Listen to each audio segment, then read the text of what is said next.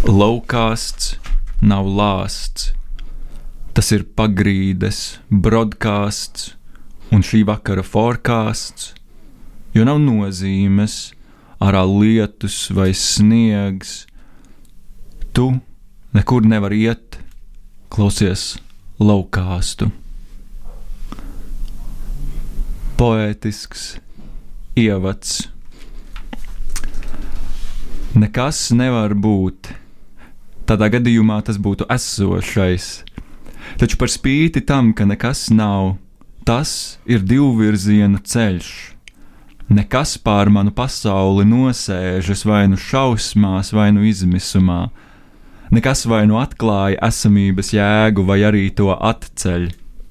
Heidegera izpratnē nekas ko konfrontē cilvēku absolūtas garlaicības vai šausmu pieredzē, atsedzot pasaulisko nozīmes tīklojumu, kurā cilvēks mājo un sarstībā ar kuru norisinās dzīvotā pieredze. Apvienojumā ar apjautu par cilvēka galīgumu starp dzi dzimšanu un miršanu, jeb apvienojumā ar apjautu par nāvi, nekas ir pakāpiens uz autentisku, jeb īstenu esamību. Taču izmisums ir zaudējums cīņā ar neko. Pārfrāzējot Sofijas Annas Kozlovas teikto, tā ir nekā ieiešanās dzīvē. Dzīves kā izvēles un iespējamību lauka sabrukums. Izmisumā nekas ir pāršautis pasauli un mani sastingdzinājis Ja šausmās iespēja veidot savu dzīvi man top acīm redzama, tad izmisumā tā nonāk pazemes apslēptībā. Šausmas atmodina, izmisums ir anestēzija. Izmisums ir filozofijas žurnāla tvērums, otrā numura tēma, un izmisuma apzīmogota ir žurnāla tvērums vizīte Lau galerijas podkāstā. Ar jums kopā ir tvēruma literārā redaktore, autore un dzēniece Elīna Vendija Rībena, korektors, mārketinga vadītājs un autors Rūdis Bebrišs, un es, galvenais redaktors Toms Babincevs. Labvakar! Sveiki, sveiki! Man liekas, to atskaņos no rīta. Labrīt! Labrīt! Jā. Um, šodien esam izrāvušies no mūsu saspringtās lasījumu un diskusiju vasaras programmas. Klusuma šeit notiek saruna, vairāk informācijas žurnāla tvērums Facebook lapā. Par spīti tam, ka esam noguruši, mēs uz rādio naba nenākam kā izmisušie Un mēs nenākam nevienu dzīti izmisumā, nenākam arī izmisumu skaidrot. To jau pietiekami darām pašā žurnālā. Tā vietā mēs esam atvēzējušies pārdomāt izmisuma un filozofijas attiecības, konkrētāk no dažādiem rakursiem risināt jautājumu, vai filozofija tik tiešām ir mierinājums un vai terapija. Vai filozofija var palīdzēt jau tā izmisumā esošai pasaulē, vai arī varbūt filozofija ir spēlēšanās ar uguni un filozofēšana par konkrētām tēmām, piemēram, par izmisumu, ir kā mēģinājums apdzēst ugunsgrēku, lejot tam virsū benzīnu. Izmisums ir dvēselis dvēselisks tukšums, cerības iztrūkums, un kā tāds tas ir veselības sarukums, nīčas garā izsakoties dzīves spēka vājinājums. Vai varbūt biopolitikas kontekstā trāpīgāk būtu sacīt cilvēka un populācijas produktivitātes kritums. Izmisums nav gluži diagnoze, taču no izmisuma sevi jādziedina. Neviens taču negrib sev slikto. Veselības, veselīguma diskursu komentē Rūdis Bebrišs. Paldies, Tom, par uh, pieteikumu.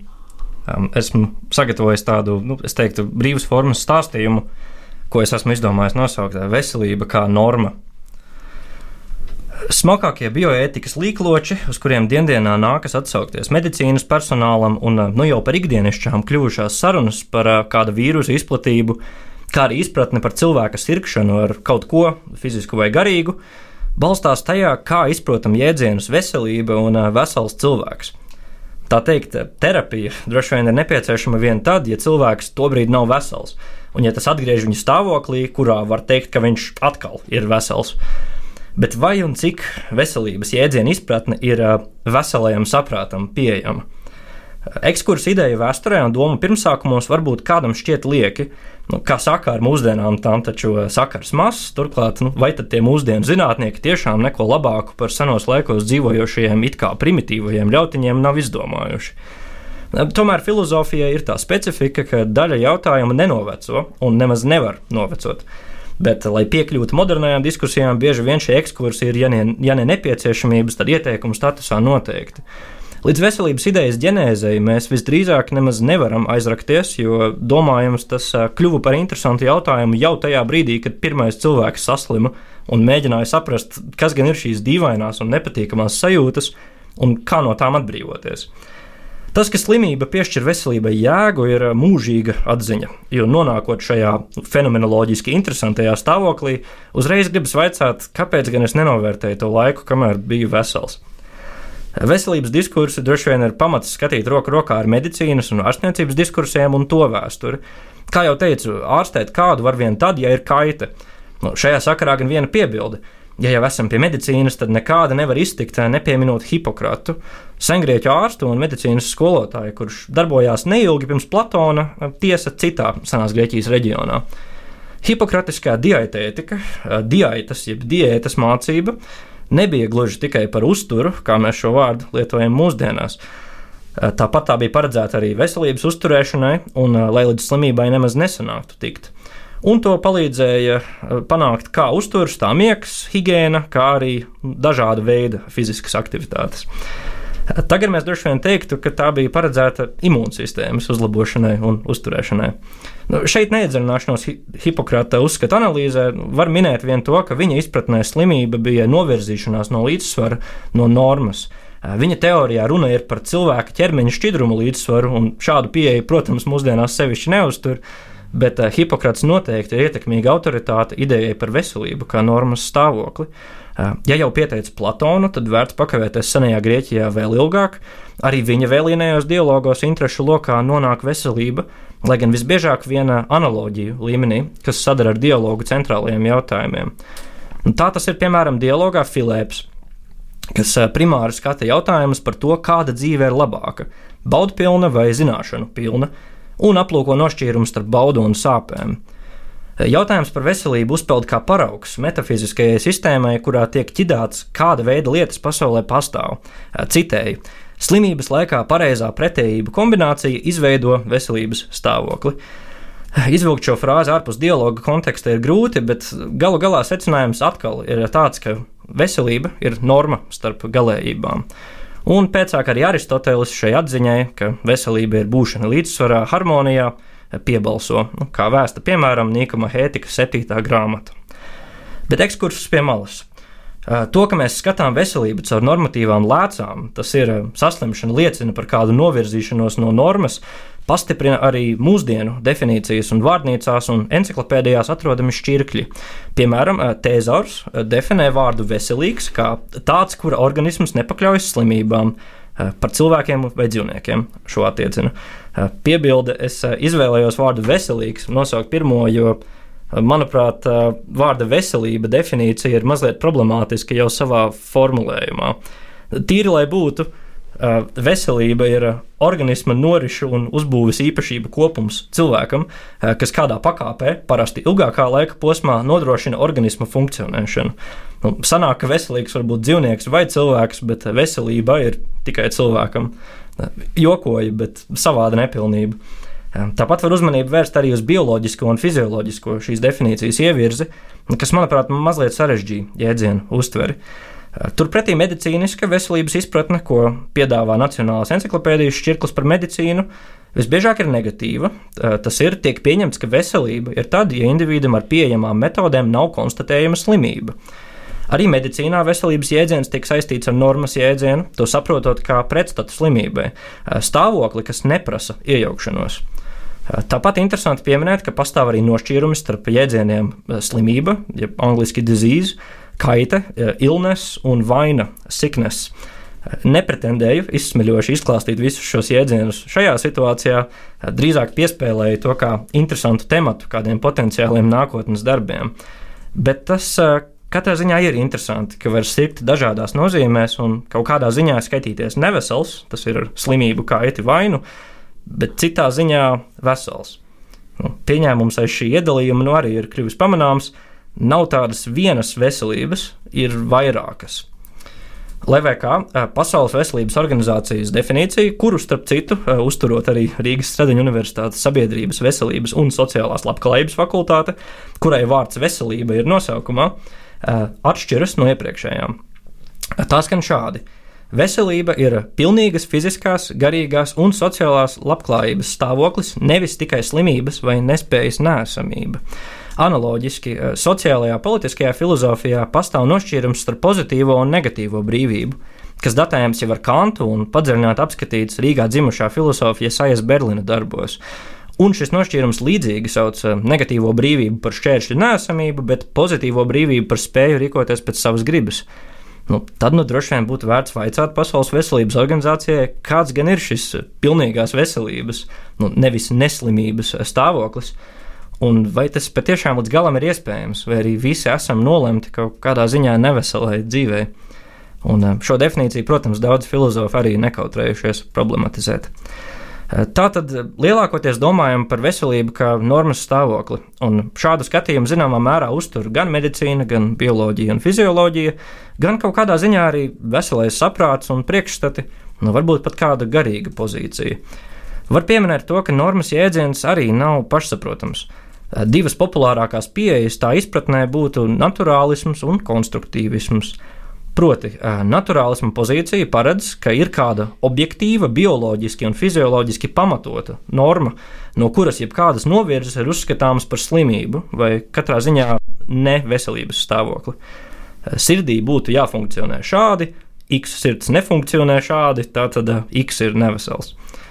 Turpretī konstruktīvisms oponē naturālismam un vērš uzmanību uz tā nepilnībām, sakot, ka neveselības diagnoze drīzāk nosaka sociālu un kultūrālu kritēriju, vērtību izpratni un kādus fizioloģiskus procesus mēs identificējam kā slimības nevis tāpēc, ka ir kādas objektīvas novirzes un nepilnības, bet tāpēc, ka mēs fiksējam to, ka šie procesi rada kaitējumu cilvēkam un liek novirzīties no kādas kolektīvas izpratnes par cilvēku normu. X sirds rada viņam kaitējumu, tā tad X ir nevesels. Gan jau neesmu vienīgais, kam intuitīvi prātā nākušais problēmu lokus, kas paveras no šī, no šī nošķīruma, ir saistīts ar garīgajām saslimšanām, un tostarp arī tēmām, kuras nu, visi tiecamies apskatīt šodien - filozofija, kā terapija, izmisuma izpausmes un tam līdzīgi. Cik reāli ir pieiet mentālajai saslimšanai no naturālisma pozīcijas, sakot, ka prātam, apziņai, ja vēlaties dvēselē, eh, būtu jāfunkcionē tieši šādi, un eh, visas nobīdes ir slimības. Un uh, konstruktīvisma paradigma pareizi atzīmē, ka kādu par slimu vai garīgi neveselu drīzāk uzskatīsim kultūrālu un sociālu faktoru dēļ. X uzvedas tā, kā nav pieņemts, un varbūt pat nespēja uzvesties kā pieņemts. Tātad X nav vesels. Un turklāt ir gadījumi, kad var vaicāt, vai tā ir X vaina, ka viņam, salīdzinot ar citiem, varbūt arī ir kāda objektīva nepilnība, vai arī vaina ir sabiedrībā, kas nespēja pieņemt X atšķirību. Sabiedrībā visi grib būt normāli. Tā ir vieglāk. Pat tie, kas saka, ka negrib, tik un tā apgrozās kompānijās, kur viņi tiek uzskatīti par normāliem. Bet ko darīt ar tiem, kas nespēja sasniegt normu tādā pašā izpratnē? Tas jau ir grūtais ētiskās dabas jautājums aiz visiem tiem veselības diskursiem, kurus šeit centos ieskicēt. Terapija gan jau ir ceļš uz veselību, un tas ir arī ceļš uz normālumu ar visiem pozitīvajiem un negatīvajiem blakus efektiem. Bet vai terapija ir remonts? Ieeļošana, nepareizi strādājošo daļu salabošana, nestrādājošo daļu aizstāšana un rezultātā vesels cilvēks. Nu, negluži. Lai gan mērķis droši vien ir viens vesels cilvēks. Paldies, Rūdi! Man ļoti patika. Man arī. Paldies! Dziedināšana tik tiešām dažos variantos raksturojama kā iejaukšanās veselībā. Atstāt mierā nevar. Vēl nomirs. Atstāšana darbojas tikai tad, kad uz dziedināšanu vairs necer. Tad vajag izslēgt. Taču vai filozofija iejaucas? Vai arī filozofija vēro un vispārina no attāluma? Elīna Vendija Rībena risina pārdomas par filozofijas un distances attiecībām. Paldies, Tom, par pieteikumu. Nu, lūk, ir tā, ka bieži no mutes mutē tiek gudri nodota zināšana, ka uz kaut ko raudzīties no filozofiska skatu punkta nozīmē uz kaut ko raudzīties no zināmas distances paspērt soli uz atpakaļ, nostāties uz durvju sliekšņa, vai labāk pagalma malā, vai varbūt uz kādas kosmosa stacijas jumta. Paskatīties uz kaut ko no malas, tas nozīmē paskatīties uz kaut ko bez emociju, biezā filtra. Tas maz nozīmē arī tiekšanos, atteikties no pieņēmumiem par lietu, lai ieraudzītu to kā pašu par sevi, tādu, kāda tā nāk, pirms mēs to esam ievietojuši kādā sistēmā un vai nosaukuši vārdā un padarījuši sev pazīstamu paraudzīties uz atpakaļ, redzēt notikušā visas vai vismaz vairākas puses atkāpties tikai no savas personīgās pieredzes un pieņemt to, ka viena lieta ir saredzama un uzskatāma neskaitāmos veidos un līmeņos. Censties atrast komplicētu uzskatu, pieņēmumu, domu un ideju jūklī to vienu patieso sakni, no kura tas viss nāk un ap ko tas viss grozās. Šķiet, terapijā mēs būtu līdzīga pieeja, paraudzīties uz savas dzīves notikumiem no malas, ieraudzīt notikumam apkārt aplipušos, bet tajā brīdī nemanītos citus notikumu slāņus, ieraudzīt tauriņa efektu retrospektīvā, padarīt sevi par izpētes objektu, lūkoties uz savām rīcībām un savām domām, savu attieksmi un reakcijām, lūkoties uz sevi no malas, mēģināt sevi saprast. Bet vai kāpjoties atpakaļ, nepastāv risks pakāpties vienu solīti par tālu? Vai padarīt sevi par sevis paša izpētes objektu kādā brīdī nevar nozīmēt padarīt sevi par svešinieku sev pašam, kaut ko, ko izzināt no malas, kaut ko, kam uzdot jautājumu, kā atspūgu spogulī, kam nevar pieskarties, kas it kā esi tu, bet tomēr skaidri zināms, ka nē. Un te nu jājautā, kas ir tas, ko mēs saprotam ar vārdu terapija. Vai terapija nozīmē, viss būs labi, vai tomēr tūdaļ tu kaut ko ieraudzīsi? Gribētos cerēt, ka pareizs ir pirmais variants, bet intuīcija tomēr liek domāt, ka patiesība slēpjas otrajā. Tūdaļ tu kaut ko ieraudzīsi, un atkal ieraudzīsi, un tas, ko var ieraudzīt, nekad, nekad, nekad nebeigsies. Vai filozofija palīdz, vai distances ieņemšana palīdz? Es bieži jūtos kā svešinieks, sevi mūžīgi vērojot citu lietu vidū, vērojot kā izpētes objektu, bieži vien nespējot būt vienai ar sevi, nespējot būt situācijā tādā, kāda tā ir, jo situācija aizēno man konstantā situācijas analīze un izvērtēšana. Cik veselīgi ir atrasties konstantā pašrefleksijas stāvoklī? Šķiet, tāpēc cilvēki dzer, un tāpēc tik pazīstams un populārs ir trops par rakstniekiem un citiem šāda tipa ļaudīm, kuri mūžu beidz kāda reiboņa miglainajās skavās. Kā nokļūt mirklī, kurā tu esi, kā būt sevi un justies kā mājās, nevis kā ciemiņam, kā ļaut notikumam būt tagad un šeit, nevis ar pāris sekundžu analītisku aizkavēšanos. Un tā nu gribu atkal precizēt, uz ko tad ir vērsts šis mans domu lidojums, kurā lēni dreifēja jau pēc maniem aprēķiniem aptuveni 3 līdz 4 minūtes. Filozofija galu galā ir par izziņu, Izziņa man gribētos piebilst, nekad nebeidzas un nekad nebeigsies. Tas ir kā tāds fraktāls, kur katrs jaunais atklātais fakts sev līdzi nes vismaz divus jaunus apslēptus zemūdens akmeņus, kā pūķis, kuram nocirstas galvas vietā parādās divas. Un viena lieta ir censties izzināt kādu vienkāršu objektu, piemēram, bļodu Var runāt par tās rašanās vēsturi un iemesliem, par to, kā tā ir mainījusies laika gaitā, kāda nozīme tai ir cilvēka dzīvē, kā tā ir attīstījusi un ietekmējusi cilvēka galda kultūru. Var runāt par to, kādas bļodas lietojuši kuri sabiedrības slāņi. Var runāt par augstās modes bļodām, nakts bļodām, plasmasas un metāla bļodām. Var runāt par vārdu bļoda, kas, starp citu, tagad, kad es atkārtoju šo vārdu jau sesto reizi, izrādās esam varam interesants vārds, par kura etimoloģiju es labprāt uzzinātu uzzinātu vairāk, lūdzu rakstiet uz žurnālistu vārams gmail.com, ja varat pastāstīt vairāk par vārdu bļoda izcelsmi. Bet es mazliet aizrāvos. Kad mēs runājam par komplicētāku objektu izziņu, nu, piemēram, cilvēka, turklāt vēl tādu cilvēku, ar kuru tu ļoti izteikti identificējies, atskaitot brīžus, kuros jūties no šī cilvēka atsvešanās dažādu iemeslu dēļ, tas ir, kad mēs runājam par sevi pašu, tad viss paliek daudz sarežģītāk. Es neplānoju šodien pārlieku iedziļināties tajā, kā mainījusies izpratne par cilvēku gadsimtu viņās, vai kā mainījusies cilvēku izpratne pašam par sevi.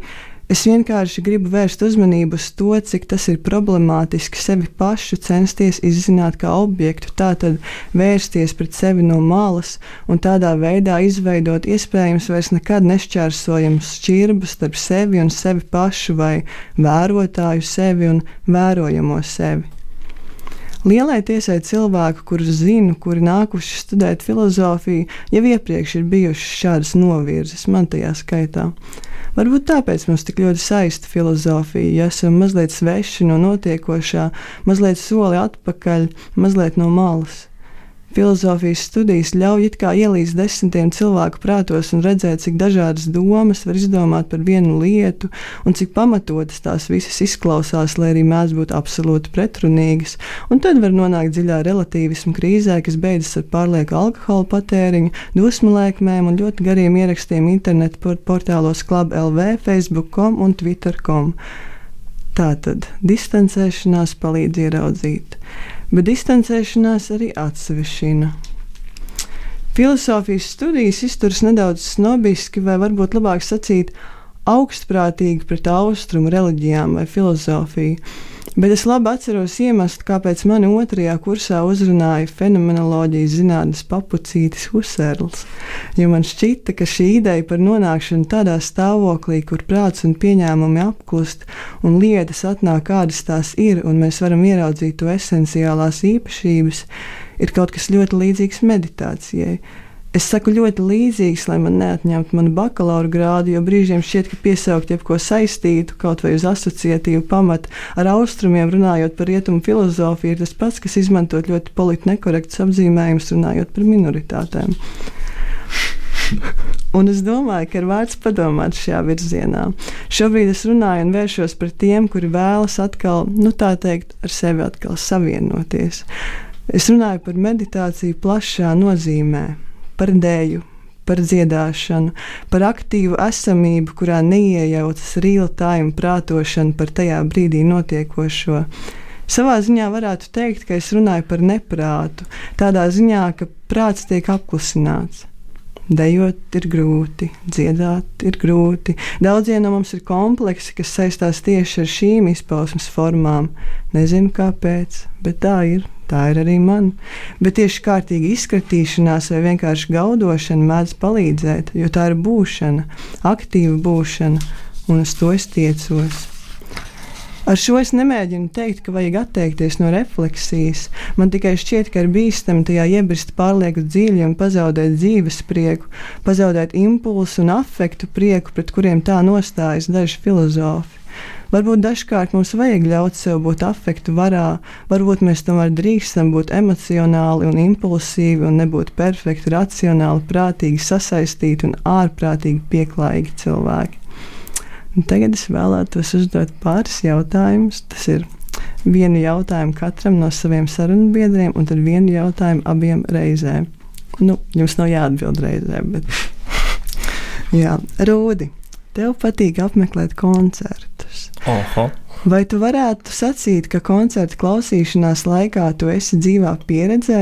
Tas ir vai tu veic kādu papildus analīzi notiekošajiem, vai tiešām ļaujies mūzikas baudīšanai, un vai varbūt var mēģināt īsi ieskicēt, kā tas tev ir baudīt mūziku?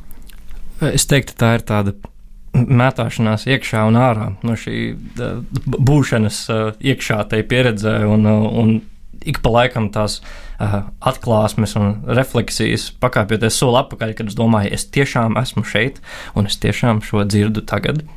Un, un, un tā ir, tas ir tāds interesants. Nezinu, e, e, interesanta vai eksistences dimensija, es teiktu, būt mm. koncertā, bet es domāju, tas ir līdzīgi uh, daudzos kaut kādos pasākumos, kas norisinās klātienē un kas nav nekādā veidā iemūžināmi. Vai tas ir koncerts, vai tā ir teātris izrāde, vai uh, operas uzvedums, vai kas cits. Mm -hmm. Labi, uh, Tom. kad es tevi pirmo reizi satiku tālākajā 2017. gadā, kad biju pirmkursnieks, tu man gandrīz uzreiz kā cilvēks ļoti iepatikies tieši tam dēļ, ka es spēju ļoti relētot ar tavu nervozitāti un pārmērīgo taktu izjūtu. Vai tu dažkārt neizjūti šo taktu, vienkāršības labad varam saukt to par pieklājību, kā žņaugu? Vai tev dažkārt negribas izdarīt kaut ko ļoti nepārdomātu, vai varbūt pat nepieklājīgu? Noteikti, jā, man gribas izdarīt kaut ko nepārdomātu un nepieklājīgu, bet es vienu dienu domāju, vai ne, par dienas grāmatām starp citu. Mm. Nu, kas ir, manuprāt, ļoti izpalīdzīgs veids, kā tikt pašam ar sevi skaidrībā. Nu, dienas grāmatas kā tāds, tāds savu pieredzi un pārdomu mm. apraksts, un, bet es kaut kā atskārtu, ka es tajās dienas grāmatās esmu jau izdomājis visu savu dzīvi un viņu aprēķinājis. Ja es Jā. jums saku kaut ko daudz maz strukturēti, nehaotiski un bez ilgām pauzēm, tad es to jau esmu kādreiz rakstījis dienas grāmatā. Es tur iestudēju scenārijus visai savai dzīvei, un es esmu sevi pilnībā savažojis. Tas ir iepjas. Es, es, es, es gribu būt nepieklājīgs no visas sirds, bet man dienas grāmatā tas vēl nav ierakstīts. Varbūt kaut kad pēc šodienas. Paldies, Tom. Uh, man tad ir jautājums jums abiem. Uh, kā tad jūsuprāt? Noturēt līdzsvaru starp pašrefleksiju un sevis izzināšanu, kas skaidra lieta ir nepieciešama, un spēju atlaist un būt uh, nereflektētā stāvoklī kā atslābt? Es nezinu, man liekas, ka nu, filozofi ļoti grēko ar to, ka liekas, mēs pārāk bieži izvēlamies kaut kā uh, pārdomāt visu, pakāpjoties to soli atpakaļ uh, un kaut kā aizmirstam, varbūt būt, būt uz vietas. Bet um, Nu, es, nu, man, man līdz šim tas ir noticis kaut kā pietiekami, es teiktu, tā, nu, pats no sevis. Nu, ir kaut kādi mirkļi, kuros tu vienkārši nonāc kādā situācijā, kur tu, kur tu ļoti baudi to procesu. Un varbūt tad tu vari arī apzināties to, ka, ah, jā, es tiešām šobrīd baudu šo procesu, bet tad arī ļauties tam tālāk. Nu, proti, tas ir tikai īsts komentārs, un tad mm -hmm. atmet analītiskās važas un, un, un dzīvo. Nu, par sevi nu, nu man ir tā, ka pat ja varbūt man to laiku pa laikam sanāk arī nomaskēt, būšana cilvēkos man vienmēr ir trauksme. Un tādēļ nu, tāda, tāda, tāda atraisīšanās, atslēgšana un dzīvošana man nu, pēdējā laikā sāk, es sevi sāku pārliecināt, ka man tāda ir iespējama izkopjot vienatni, spēju palikt ar sevi, jo tad nav jāuztraucas par kāda vērojošo skatienu. Tad tu esi ar sevi, un cits ir tev tikai klātesošs tādā fenomenoloģiskā spoka veidā. Viņš nav klāts, bet viņa balsi to atceries, bet tas ir mazāk dzīvīgs iespējas nekā skatiens tagad, šeit un tagad. Tāpēc jā, mana atbilde ir būt vienam ar sevi. Ir veids, kā atrast iespēju, lai atraisītos. Paldies! Paldies, Paldies Elīna! Man ļoti patika. Paldies, ka padarīji šo it nemaz neimprovizēto, it, it, pilnībā improvizēto un organisko uh, sarunu uh, vairāk dzīvīgu. To es ļoti novērtēju. Un noslēgumā bildīšu vēl tik dažus vārdus. Šo to par filozofijas terapeitiskumu. Kaitīgajam ir dažādas formas. Pasaule ir kaitīga cilvēkam, un cilvēks principā ir kaitīgs. Taču attiecībā uz filozofijas izēvielu domāšanu kaitīgais ir maldi. Filozofijas vēsture arī iezīmē divas fundamentāli atšķirīgas taktikas, kāds, eh, kādās filozofija var būt dziedinoša. Tajā nozīmē, ka tā ir no maldiem atbrīvojoša. Un viena no tām vispār uz izmisumu neatiecas, manuprāt, es tā izmisuma kontekstā. Runa ir par um, Filozofija kā terapija Ludviga Wittgensteina formulējumā, kur filozofija ir valodas problēmu risināšana, vārdu nozīmes un izteikuma jēgas analīze, kļūdu labošana, precizitātes panākšana, nejēgas izskaušana. Iepratim tam var runāt par filozofiju kā dvēseles dziedināšanu. Atspērienam noder sokratiskais formulējums attiecībā uz refleksiju par tikumu. Dzīve bez šādas filozofiskas pārbaudīšanas nav cilvēkam dzīvošanas vērta. Izmisums varbūt ir dvēseles saplēsāšana, ka tā notic maldiem un par to nereflektē. Maldi nav tāpat vien, tie var saraut gabalos. Džons Deivis raksturo platonisko un aristotelisko terapiju kā dvēseles intelektuālās veselības, kārtības atgūšanu, Epikūriskajā variantā terapija pieteikta analoģijā ar medicīnu. Gluži kā tā medicīna, kura neizārstē, tā arī filozofija, kura nedziedina prātu, nav nekam derīga. Maldi izplatās pār visu dzīvi, ja reiz tie piemeklē. Deivis norāda uz Vilhelma Vindelbanda apkopojumu. Filozofija ir prak filozofijai ir praktiska nozīme kā dzīves mākslai, kas balstīta zināšanā. Šajā terapeitiskuma modā filozofija ir recepte veselīgai un jēgpilnai dzīvei. Reizē tā ir līdzeklis slimajam, lai izkļūtu no slimības. To nosaka pamatpieņēmums: visi ir slimie, pretējā gadījumā šādu filozofiju nevajadzētu. Un klau, Nīčam nav taisnība, dzīvei nēsakoša, mizantropiska mazasinība nav datējama ar kristietību. Sāk likties, ka tā ir krietni agrāka. Pareizās dzīves receptes galu galā ir pārāk ambiciozs un iespējami totalitārs projekts. To var darīt, bet negrasos kādam teikt, kā dzīvot. Dzīvojiet paši savu, nevis manu dzīvi. Tā vietā piedāvāju citu variantu kura iedvesmas avots ir, manuprāt, samērā pārsteidzošs. Tas ir Deivids Hjūms. Šī terapeitiskuma formas axioma ir tāda, ka filozofija ir pirmām kārtām skaidrojoša nodarbe. Jebkuras praktiskās dzīves sekas ir akcidentālas, jeb tās var arī nebūt. Filozofijas tera terapeitiskums neiemīt ne izteikumu, vārdu analīzē, ne dzīves mākslas receptēs. Tas valodā iemīt daudz fundamentālāk. Iespējams, jau pati valoda pat bez filozofijas ir terapeitiska. Hjūma izziņas teorija šajā kontekstā man ir būtiska tikai vienā aspektā, cik tālu tā runā par izjutuma un nojēguma nošķīrumu. Kaut šādi nav iespējams atskaitīties par visām zināšanām un prāta darbības formām, nav arī noliedzams, ka daļa zināšanu sakņojas maņu un dvēseles kaislību pieredzēs. Abas šīs kategorijas Hjūms pakārto plašākajam jēdzienam - izjutums. Konkrētas zināšanas, konkrēti nojēgumi, jeb idejas izceļas no izjutumiem. Naida uzplaiksnījums vai mīļotā cilvēka glāsts, pieredzot tos šeit un tagad, ir satriecoši spilgtāki nekā tos atceroties vai par tiem pēcāk runājot. Nojēgums ir blāvs salīdzinājumā ar, izjutumu visā tā šī brīža spilgtumā. Valoda, cik tālu tā vispār attiecas uz un izceļas no dvēseles kaislībām, piemēram, no izmisuma, vienmēr ir blāva. Izcelsmes secībā nojēgums, jeb ideja par izmisumu, vienmēr ir pēc izmisuma, kā spilgti nomācošas, sadragājošas parādības. Šajā ziņā valoda ir atraisījumā no izjutumiem. To gan nevar apsolīt, izjutums un nojēgums var būt vienlaicīgi. Lai vai kā, filozofija ir specifisks izteiksmes veids, to var viegli nošķirt piemēram no dienas grāmatām. Savu gaitu un izjūtu protokolu teikumiem.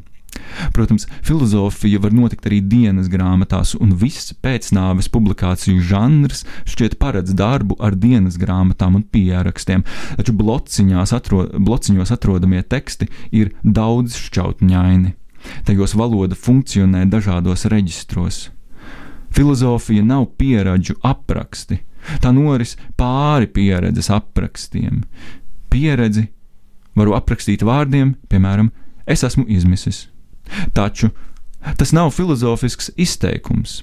Tas būtu, ja es abstrahētu un sacītu izteikums pēdiņās, es esmu izmisis, pēdiņas ciet, liecina par zaudējumu cīņā ar neko.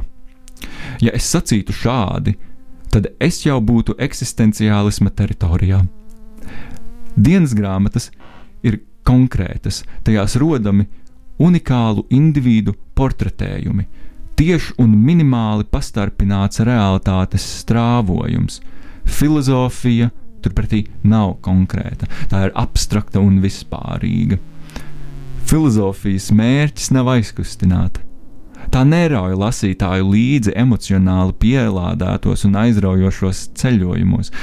Tas, protams, var notikt, bet tam nav jānotiek. Filozofijas līdzekļiem var iekustināt tikai prātu.